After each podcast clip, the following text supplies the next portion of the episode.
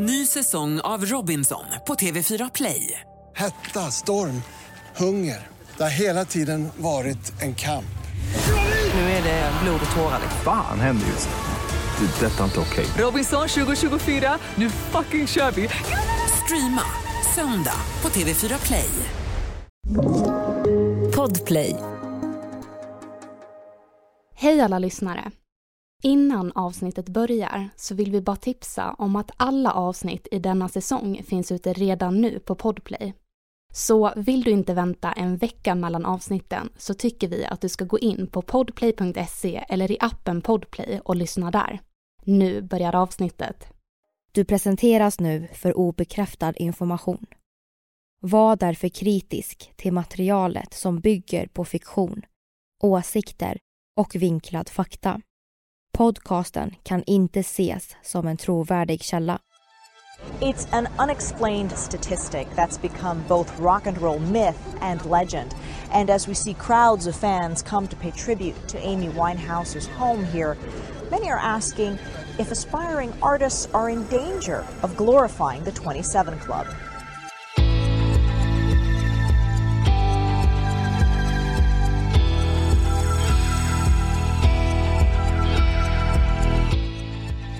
Det här är podden för dig som är intresserad av en annan version av verkligheten.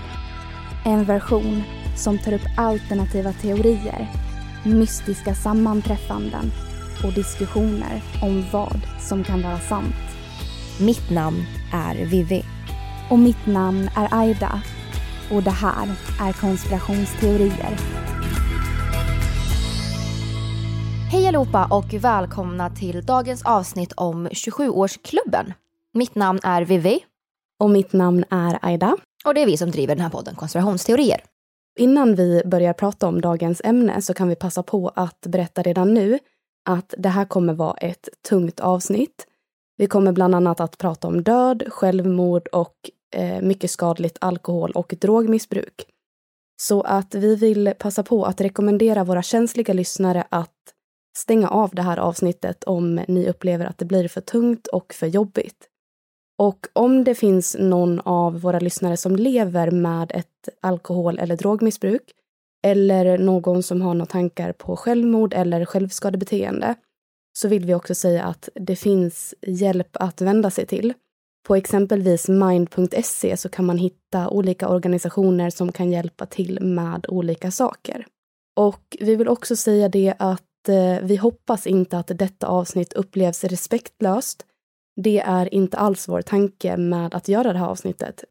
Utan det vi tänker är att vi vill, ja, men vi vill prata om det här ämnet och vi vill även ta upp de konspirationsteorier som finns kring detta. Så för er känsliga lyssnare så är det bara att stänga av och eh, hoppa till nästa avsnitt eller helt enkelt vänta en till vecka då. 27-årsklubben är ju känt som klubben där ingen överlever. Och man kan ju då ställa sig frågan, vad är 27-årsklubben? Vad är det som Brian Jones, Jimi Hendrix, Janis Joplin och Jim Morrison faktiskt har gemensamt? Förutom då att de alla var enastående rocklegender som gjorde ett enormt avtryck inom musikindustrin så finns det något annat som faktiskt binder dem samman. De här personerna arbetade då väldigt hårt och tyvärr så dog de väldigt unga. Bara 27 år gamla. Det finns ju nämligen så att eh, för er lyssnare som vet så finns det en klubb för medlemmar som faktiskt aldrig har träffats eller kommer att träffas. Man önskar ju då att den inte finns men trots det så växer den sig större och större. Det enda som behövs för att bli medlem i den här eh, klubben är ju då den ålder man då dör i. Det tragiska är ju att det finns ett stort antal musiker, skådespelare och artister som faktiskt har lämnat världen som 27-åringar. Och då har många människor ställt sig frågan vad det kan bero på. Handlar det om en förbannelse? Eller är det bara ett sammanträffande? Och det, mina lyssnare, ska vi prata om idag. För idag ska vi diskutera en konspirationsteori om 27-årsklubben. Musikbranschens mest mytomspunna fenomen. Och det är helt enkelt klubben som ingen överlever. Väldigt spännande och vi tänker att vi börjar det här avsnittet med bluesmusikern Robert Johnson. Och det sägs då att han var den första medlemmen i klubben. Robert Johnson är känd som en av de mest betydelsefulla bluessångare som någonsin levt. Få musiker har haft en så stor betydelse för rocken som han har haft. Men ändå så vet vi inte speciellt mycket om hans liv. Det var ju så att när Johnson tog fram sitt munspel så var han helt okej. Okay. Han var en lokal talang från landsbygdens Mississippi som försörjde sig genom att sitta och spela i olika gatuhörn och på olika barer. Men på gitarr så var han ganska usel. När han en kväll plockade upp en gitarr på en bar så blev publiken inte nöjda. De bad istället klubbägarna att be den här unge pojken lägga undan instrumentet innan de skulle bli tokiga. Och sen så blev han då utkastad från baren. Men det fanns ju en dröm, en stor önskan att bli bluesmusiker. Så i november 1936 bestämde sig Robert Johnson för att testa att spela in några låtar. I en liten provisorisk studio på Gunters Hotel i San Antonio i Texas så gjorde han då 13 inspelningar. Han besökte hotellet två gånger till och sju månader senare så åkte han till en studio i Dallas. Men de här inspelningarna gav ingen direkt framgång och kort därefter så försvann han. Var det då han eh, gick med i 27-årsklubben eller? Eller vad hände med honom då? Ja, eh, faktiskt. För ett år senare så hade hans inspelningar då nått utanför södern till Chicago och New York. Men var den här lokala talangen höll hus, det var det ingen som visste. Och då skulle det faktiskt visa sig att den här unge bluesmannen nu var död, bara 27 år gammal. Jaha, okej. Okay. Men eh, alltså vet man vad han dog av? Vad var dödsorsaken? Alltså hur han dog är inte riktigt säkert. Det finns varken dokumentation eller någon fastställd dödsorsak. Kanske blev han förgiftad, skjuten eller knivhuggen. Det finns lite olika spår där. Men enligt sägnen så kan dödsorsaken faktiskt bero på något helt annat. Nämligen då att han sålde sin själ. Ja, det här med att han sålde sin själ, det ehm, kommer ju massa teorier att bygga på för att man tänker ju då att det kanske är förbannat, tänker jag. Ja, med 27-klubben ja. Mm. Jo, men det sägs ju att eh, Robert Johnson ville se sin stora dröm gå i uppfyllelse. Så enligt den här sägnen då så tog han med sig sin gitarr till ett vägskäl utanför Clarksdale, Mississippi vid midnatt. Och vid korsningen där Highway 61 korsar Highway 49 så väntade en mörklädd man, Djävulen. Robert Johnson fick då ett val. Han skulle bli en skicklig gitarrist och den bästa bluesmusikern någonsin. Men i utbyte skulle han ge sin själ. Så djävulen tog då gitarren, stämde den och spelade några låtar. Och sen lämnade han tillbaka instrumentet och då var pakten med mörkrets makter sluten. Ja, väldigt intressant. Och för att fortsätta lite på Johnson då, så är det nämligen så att efter han dog år 1938 så gick det faktiskt väldigt många år innan begreppet 27-årsklubben blev etablerat. Så för att hoppa in till nästa person så måste vi faktiskt hoppa fram några år. Och eh, det blir så långt som till början av 70-talet. Det är nämligen så att inom loppet av tre år, det vill säga mellan 1969 och 1971, så dog nämligen fyra väldigt inflytelserika, inspirerande rockmusiker. Den första personen heter då, eller inte den första för det var ju Robert Johnson, men eh, den andra personen då, som hamnar på listan då, var Brian Jones. Och han var faktiskt grundaren bakom rockgruppen The Rolling Stones tillsammans med Mick Jagger och Keith Richards. Och det är många som anser faktiskt att Rolling Stones blev ett så oerhört framgångsrikt rockband tack vare just Brian Jones. Så lite bakgrundsfakta är ju då att han redan från tidig ålder faktiskt var musikintresserad och han var faktiskt väldigt musikalisk. Som vuxen så kunde han spela flera olika instrument, det vill säga han var en multiinstrumentalist och eh, ja, väldigt duktig helt enkelt. Men det var framför allt då på gitarr som han var helt fantastisk och eh, det var också hans huvudsakliga instrument tillsammans då med gruppen så att han var ju liksom gitarristen. Efter gruppens tidiga framgångar så hamnade han utanför och eh, han kom inte överens med medlemmarna så mycket. Han började dricka mycket alkohol och han kom inte på deras repetitioner och inspelningar. Och tyvärr så blev han då också beroende av narkotika. Så sommaren 1969 så blev Brian Jones eh, skadliga drogmissbruk ohållbart och eh, de övriga medlemmarna ställde då ett ultimatum och det var helt enkelt bättra sig eller lämna bandet. Tyvärr så var det redan för sent och han tvingades lämna Rolling Stones som då bytte gitarrist. Och bara några veckor senare så hittades hans kropp i hans egna pool. Enligt polisen och rättsläkaren så hade han då drunknat och var faktiskt väldigt påverkad av både alkohol och narkotika. Så det här dödsfallet ansågs ju då som en olyckshändelse. Men det finns ju då en hel del teorier om att det kanske inte alls var en olycka eller ett självmord utan att det faktiskt var ett mord. Det finns ju, alltså jag skulle nog säga det att många av dem som vi kommer ta upp idag finns det teorier om att det kanske inte alls var så här. Om ni lyssnare tycker att någon av de här personerna är extra intressant så kan ni väl skriva in så kan vi se om vi kan lösa ett avsnitt om dem. Mm. Absolut. Ny säsong av Robinson på TV4 Play. Hetta, storm, hunger. Det har hela tiden varit en kamp. Nu är det blod och tårar. liksom. Fan händer just nu. Det. är Detta är inte okej. Robinson 2024, nu fucking kör vi! Streama söndag på TV4 Play. Ett poddtips från Podplay. I podden Något Kaiko garanterar östgötarna Brutti och jag, Davva, dig en stor dos skratt. Där följer jag pladask för köttätandet igen. Man är lite som en jävla vampyr. Man har fått lite blodsmak och då måste man ha mer. Udda spaningar, fängslande anekdoter och en och annan arg rant. Jag måste ha mitt kaffe på morgonen för annars är jag ingen trevlig människa. Då är du ingen trevlig människa, punkt. Något Kaiko, hör du på Podplay. Därför är gardinerna. Men vi kan ju gå vidare på nästa person då. Och det var då Jimi Hendrix som var näst på tur i 27-klubben. Och han dog i september 1970. Och för er som inte vet vem han var så var han en otroligt skicklig gitarrist som revolutionerade rockscenen. Så han har lämnat efter sig ett enormt inflytande över rockmusiken och flera musiktidningar har liksom nämnt ut honom, eller han har blivit utnämnd till den bästa gitarristen genom tiderna.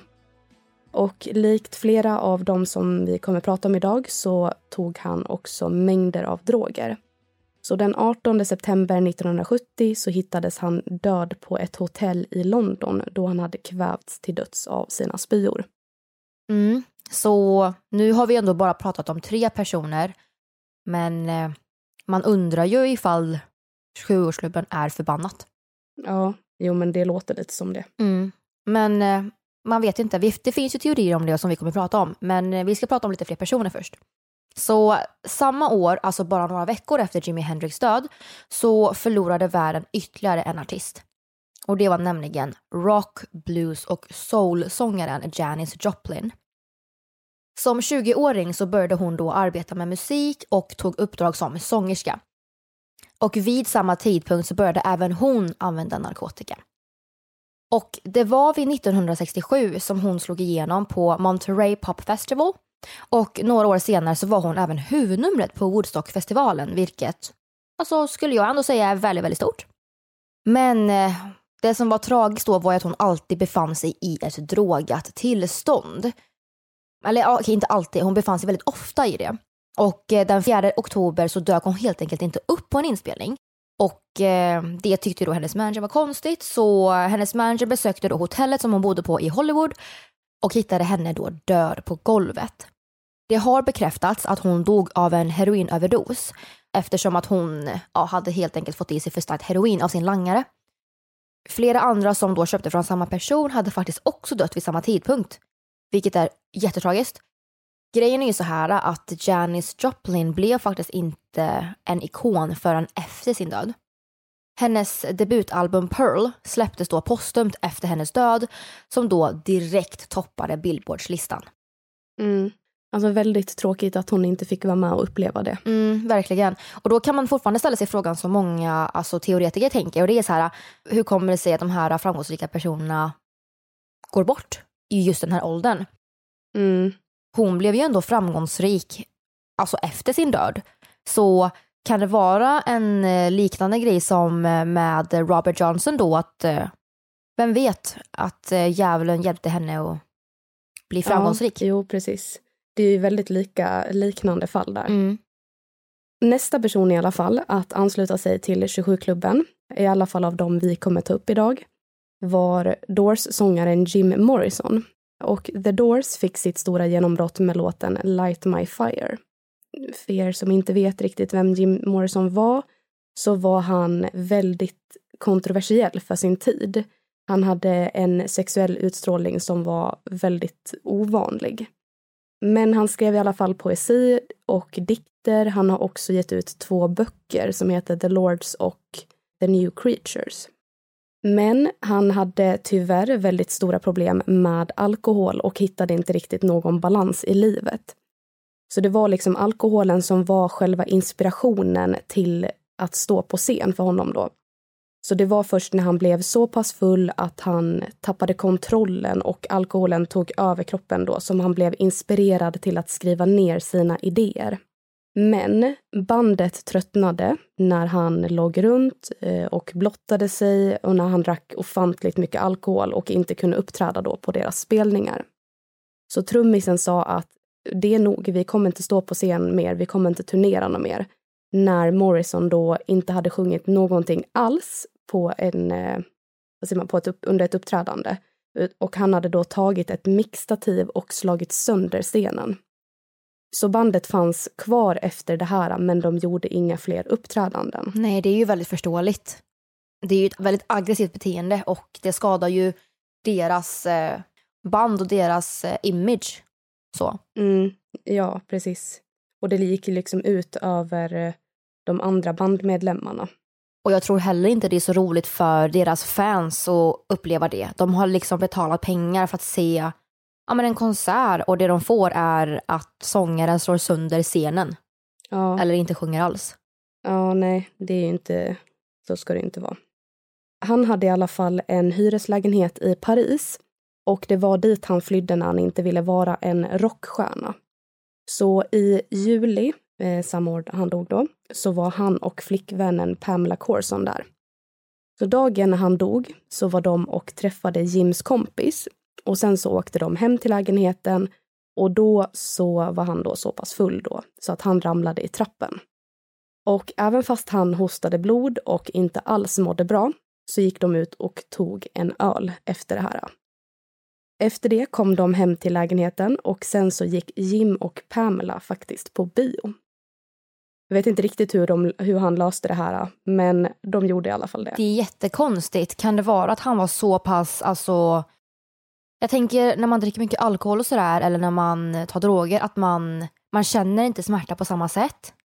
Nej, Om du precis. ramlar eller slår dig så kanske du har ett blåmärke eller har lite ont, men eftersom att du är så påverkad så kanske du inte känner någonting. Man går ju bara runt där och inte känner något alls. Om det kan vara det. Men ja, väldigt dålig idé i alla fall. Mm. Eller ja, det blir en ännu, det blir bara sämre och sämre här. För att när de kommer hem efter att ha gått på bio så tog de båda droger. De tog heroin och sen så somnade de. Och någon gång under natten så går alltså Jim Morrison upp för att tappa upp ett bad. Alltså det här är ju inte en bra idé. För att på morgonen så vaknar då Pamela upp och ser att han ligger död i badkaret. Mm. Enligt den dödsattesten eh, som gjordes, eller som togs fram, så hade han dött i en hjärtattack, troligtvis då efter en överdos. Däremot så genomförde man inte någon obduktion för att i Frankrike så gjordes det här enbart om det fanns en misstanke om mord. Enligt Google i alla fall. Man ansåg här att dödsorsaken var uppenbar. Men som vi har sagt tidigare, det ska tilläggas att det såklart finns väldigt mycket teorier, det finns mycket osäkerheter och konspirationsteorier om detta. Mm, nej men det förstår jag ändå. Och det här med att han tappade upp ett bad och var berusad eller påverkad så. Det är ju en väldigt, väldigt dålig idé. Alltså om du bara är trött och ska ta i bad, det är inte heller bra. För alltså somnar du, ja. Mm, det är ju jättefarligt. Mm. Visst att allt det här är farligt, men måste du så duscha i så fall. Mm. Men inte liksom, inte med vattnet. Men eh, Vi kan faktiskt fortsätta där med nästa person för att tre år senare, den 25 april 1974, så dog Pamela Corson också av en heroinöverdos. Så hon är faktiskt också en del av 27-klubben. Grejen är så här att med de här personerna hittills så har det ju varit mycket relaterat till droger eller alkohol. Vilket är jättetragiskt för att det är så här, ja men eh, många utav de här vet vi ju inte riktigt så himla mycket om. Det kan ju vara en grej att det kanske var för mycket press på dem, att de behövde slappna av med alkohol eller alla har väl sina anledningar till att kanske gå mot de medlen. Men eh, väldigt sorgligt för att det är tråkigt att vi, eh, inte bara för vår skull men för deras egna skull, att de inte lyckades leva ut sina liv. Det är jättetråkigt. Och det är klart att man kan ju sitta här och prata om det hur mycket som helst, ja men det var en dålig del, lala. Men man vet ju själv att när man är eh, i sina egna tankar så kanske man inte alltid tänker klart. Nej, det är väldigt svårt att ta sig ur alltså negativa och dåliga tankar. Och mm, alltså får man inte rätt stöd i det så kan det ju säkert gå väldigt dåligt. Mm, och sen så en ond cirkel på det också. Sen så vet man ju inte, alltså Pamela Corson och eh, Jim Morrison kanske inte var så jättebra för varandra egentligen. För att nej, de båda tog droger. Nej. Så, men... Ja, nej, bara det är väl kanske en dålig kombination där. Mm. Och eh, för att fortsätta på 27-årsklubben då så kommer jag nämna sex personer till. Men jag kommer inte gå lika djupt in på dem som de vi har nämnt tidigare och eh, kommer faktiskt egentligen bara prata om eh, hur de omkom. Så vi har då Ruby Lewis som dog 64. Sångaren eh, drabbades helt enkelt av en överdos och eh, var med då i bandet Drifters. Ny säsong av Robinson på TV4 Play. Hetta, storm, hunger. Det har hela tiden varit en kamp. Nu är det blod och tårar. Fan händer just det. Det detta är inte okej. Okay. Robinson 2024, nu fucking kör vi. Streama söndag på TV4 Play. Ett poddtips från Podplay. I fallen jag aldrig glömmer djupdyker Hasse Aro i arbetet bakom några av Sveriges mest uppseendeväckande brottsutredningar går vi in med hemlig telefonavlyssning och, och då upplever vi att vi får en total förändring av hans beteende. Vad är det som händer nu? Vem är det som läcker? Och så säger han att jag är kriminell, jag har varit kriminell i hela mitt liv men att mörda ett barn, där går min gräns. Nya säsongen av Fallen jag aldrig glömmer på Podplay.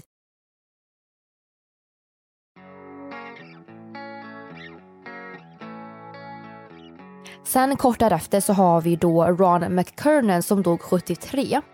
Och han var ju då ursprungsmedlemmen i hippiebandet Grateful Dead. Och han dog ju då av inre blödningar. Så det här är faktiskt första personen, eller och om vi inte räknar med eh, Robert Johnson då, så har vi ändå den första nu som ja, inte har dött av alkohol. Vad vi vet i alla fall. Men som sagt, det här är bara dödsorsaken vi pratar om. Sen har vi då två år senare så har vi då en annan person som också tyvärr blev en medlem av 27-årsklubben och det var då Gary Tain. Den här personen sparkades faktiskt ut ur bandet Uriah Heep och, och som kort därefter omkom i en överdos. Samma år så dog medlemmen i gruppen Badfinger Pete Ham och han hade då begått självmord. För det året så har vi ändå tre personer som dog eh, alltså inom loppet av ett år. För vi har också Chris Bell Chris Bell var då medlem i Big Star och var faktiskt på väg hem från replokalen när han kraschade med sin Triumph TR7 in i en stolpe som faktiskt föll över honom. Och sen efter det så får vi ändå en liten paus och eh, 89 så dog då Pete de Freitas. Pete frontalkrockade då på sin motorcykel med en bil på motorvägen utanför London Pete var då trummis i Echo and Bunnymen. Så som ni hör så blir ju listan bara längre och längre och längre. Det var i alla fall först vid 1994 som själva begreppet 27-klubben på riktigt blev etablerat i media. För den 5 april 1994 så begick Nirvanas sångare Kurt Cobain självmord i sitt hem. Så Kurt Cobain och Chris Novoselic slog igenom i början av 90-talet med bandet Nirvana. Men Kurt hade tampats mycket med ångest under sin uppväxt och musiken blev liksom ett sätt för honom att kunna uttrycka sina känslor och få ro. Bandets framgångar gjorde däremot inte att hans ångest minskade och han levde med ett skadligt missbruk med alkohol och droger. När man hittade kroppen så fann man även ett självmordsbrev där han hade skrivit att han inte fann någon glädje i musiken. Han var less och punken, scenen och uppträdandena, de gjorde inte samma sak längre. Och han hade då skjutit sig själv med ett hagelgevär och hittades av en elektriker som var på hembesök. Och han hade också tagit stora mängder heroin. Dagen efter Kurt Cobains kropp hittades så besökte en reporter Nirvana-sångarens mamma, Wendy O'Connor. Då så sa hon “Now he's gone and he joined that stupid club. I told him not to join that stupid club”. Och det här citatet publicerades över hela världen. Och det var först då som själva mytbildningen kring 27-klubben fick sitt fäste. Och någonting som har koppling till detta är eh, Kristen Pfaffs död. Eh, hon dog 1994. Och hon var medlem i bandet Hole som leddes av Kurt Cobains flickvän Courtney Love. Och hon dog då av en överdos, om jag inte sa det. Det är ändå rätt fascinerande att det tog så pass lång tid innan 27-årsklubben blev en grej. När det började redan med Robert Johnson, alltså 1938. Mm. Men jag tänker att så här, äh, om man tänker lite så här hur många händelser det behövs för att det ska gå från att vara en slump till ett samband. Så här, visst, det var några, alltså det var ju några innan som hade dött. Eller några, det var många innan. Men det, det blev ju mer en grej typ när alltså Jim Morrison, Janis Joplin, Jimi Hendrix och de dog. Så att jag tänker också att det kanske ligger lite i det. Till att det har tagit så lång tid för begreppet att liksom etableras. Mm, mm. Nej men jag hänger med. Och ett år senare, det vill säga 1995, så ja, fick 27-årsklubben en till medlem och det var Richie Edwards som då var medlem i gruppen Manic Street Preachers. Och ja, grejen med Richie då som är väldigt, alltså som är väldigt så mystiskt är faktiskt att Richie försvann spårlöst strax innan en turné och sågs aldrig igen sen. Och eh, hans kropp har fortfarande inte hittats och eh, han eh, liksom dödsförklarades och man antog då att Richie hade faktiskt tagit sitt egna liv när han var 27. Ja, men vad intressant det här med att eh, han försvann spårlöst. För jag tänker att han skulle kunna vara vid liv. Mm. Det skulle kunna vara ett fall som med Elvis, att han kanske, ja, fejkade sin död. För det är ju en väldigt stor teori om Elvis, vilket man inte har kunnat bekräfta riktigt kanske. Men eh, det finns ju teorier och grejen med då Richie, eller Richie Edwards då, var ju då att han dödsförklarades, alltså legalt, um, i november 2008. Så det var ändå ett tag efter som uh, de gjorde det. Och grejen är ju så här att förklaringen var ju då att han faktiskt hade ja, tagit sitt egna liv. Men eftersom att man inte har någon kropp så kan man inte bevisa att han gjorde det. Sen har vi ju då den sista personen som vi tänker prata om idag och det är då Amy Winehouse.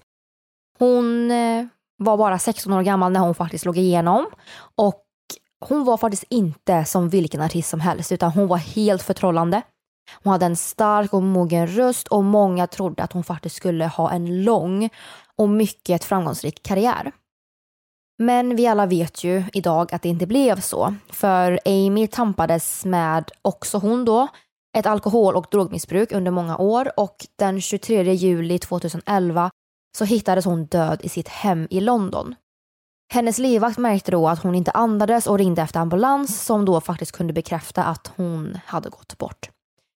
Dödsorsaken som angavs var ju då att hon faktiskt hade drabbats av akut alkoholförgiftning och hon hade faktiskt cirka 4 promille i blodet. Och det är hur mycket som helst. Och sen så är det också nu väldigt känt då att Amy Winehouse hade mycket problem med, eh, ja, med sin eh, psykiska hälsa. Hon tampades också med bulimi och hon var liksom i branschen väldigt känd som att vara svår att jobba med. Och eh, det hjälpte nog inte heller att hennes pappa tryckte på så jättemycket och sådär. Så eh, ja, hon hade, hade det inte lätt och hon hade också en kille som också tog droger så att de kanske inte var det bästa för varandra. Men eh, det finns faktiskt mycket mer om det här. Så om ni är väldigt intresserade om just Amy Winehouse så finns en dokumentär om henne. Och det är bara att ja, titta på den. Jag har gjort det och jag ja, tycker väldigt synd om henne faktiskt.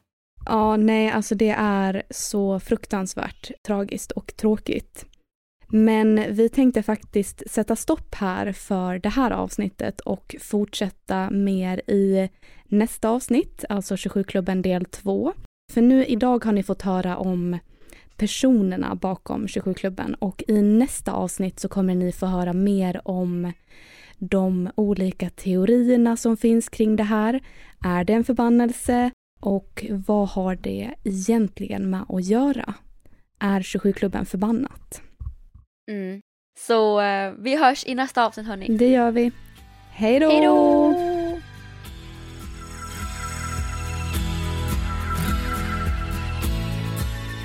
Du har lyssnat på 27-klubben.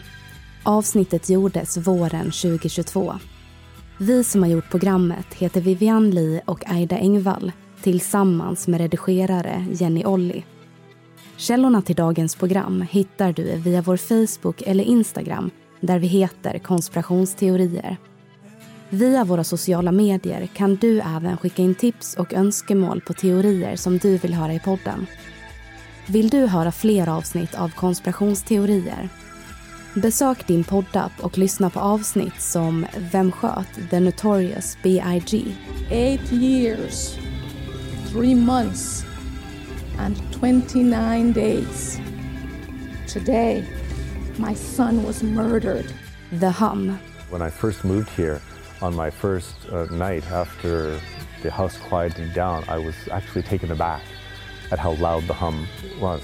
Och mycket mer.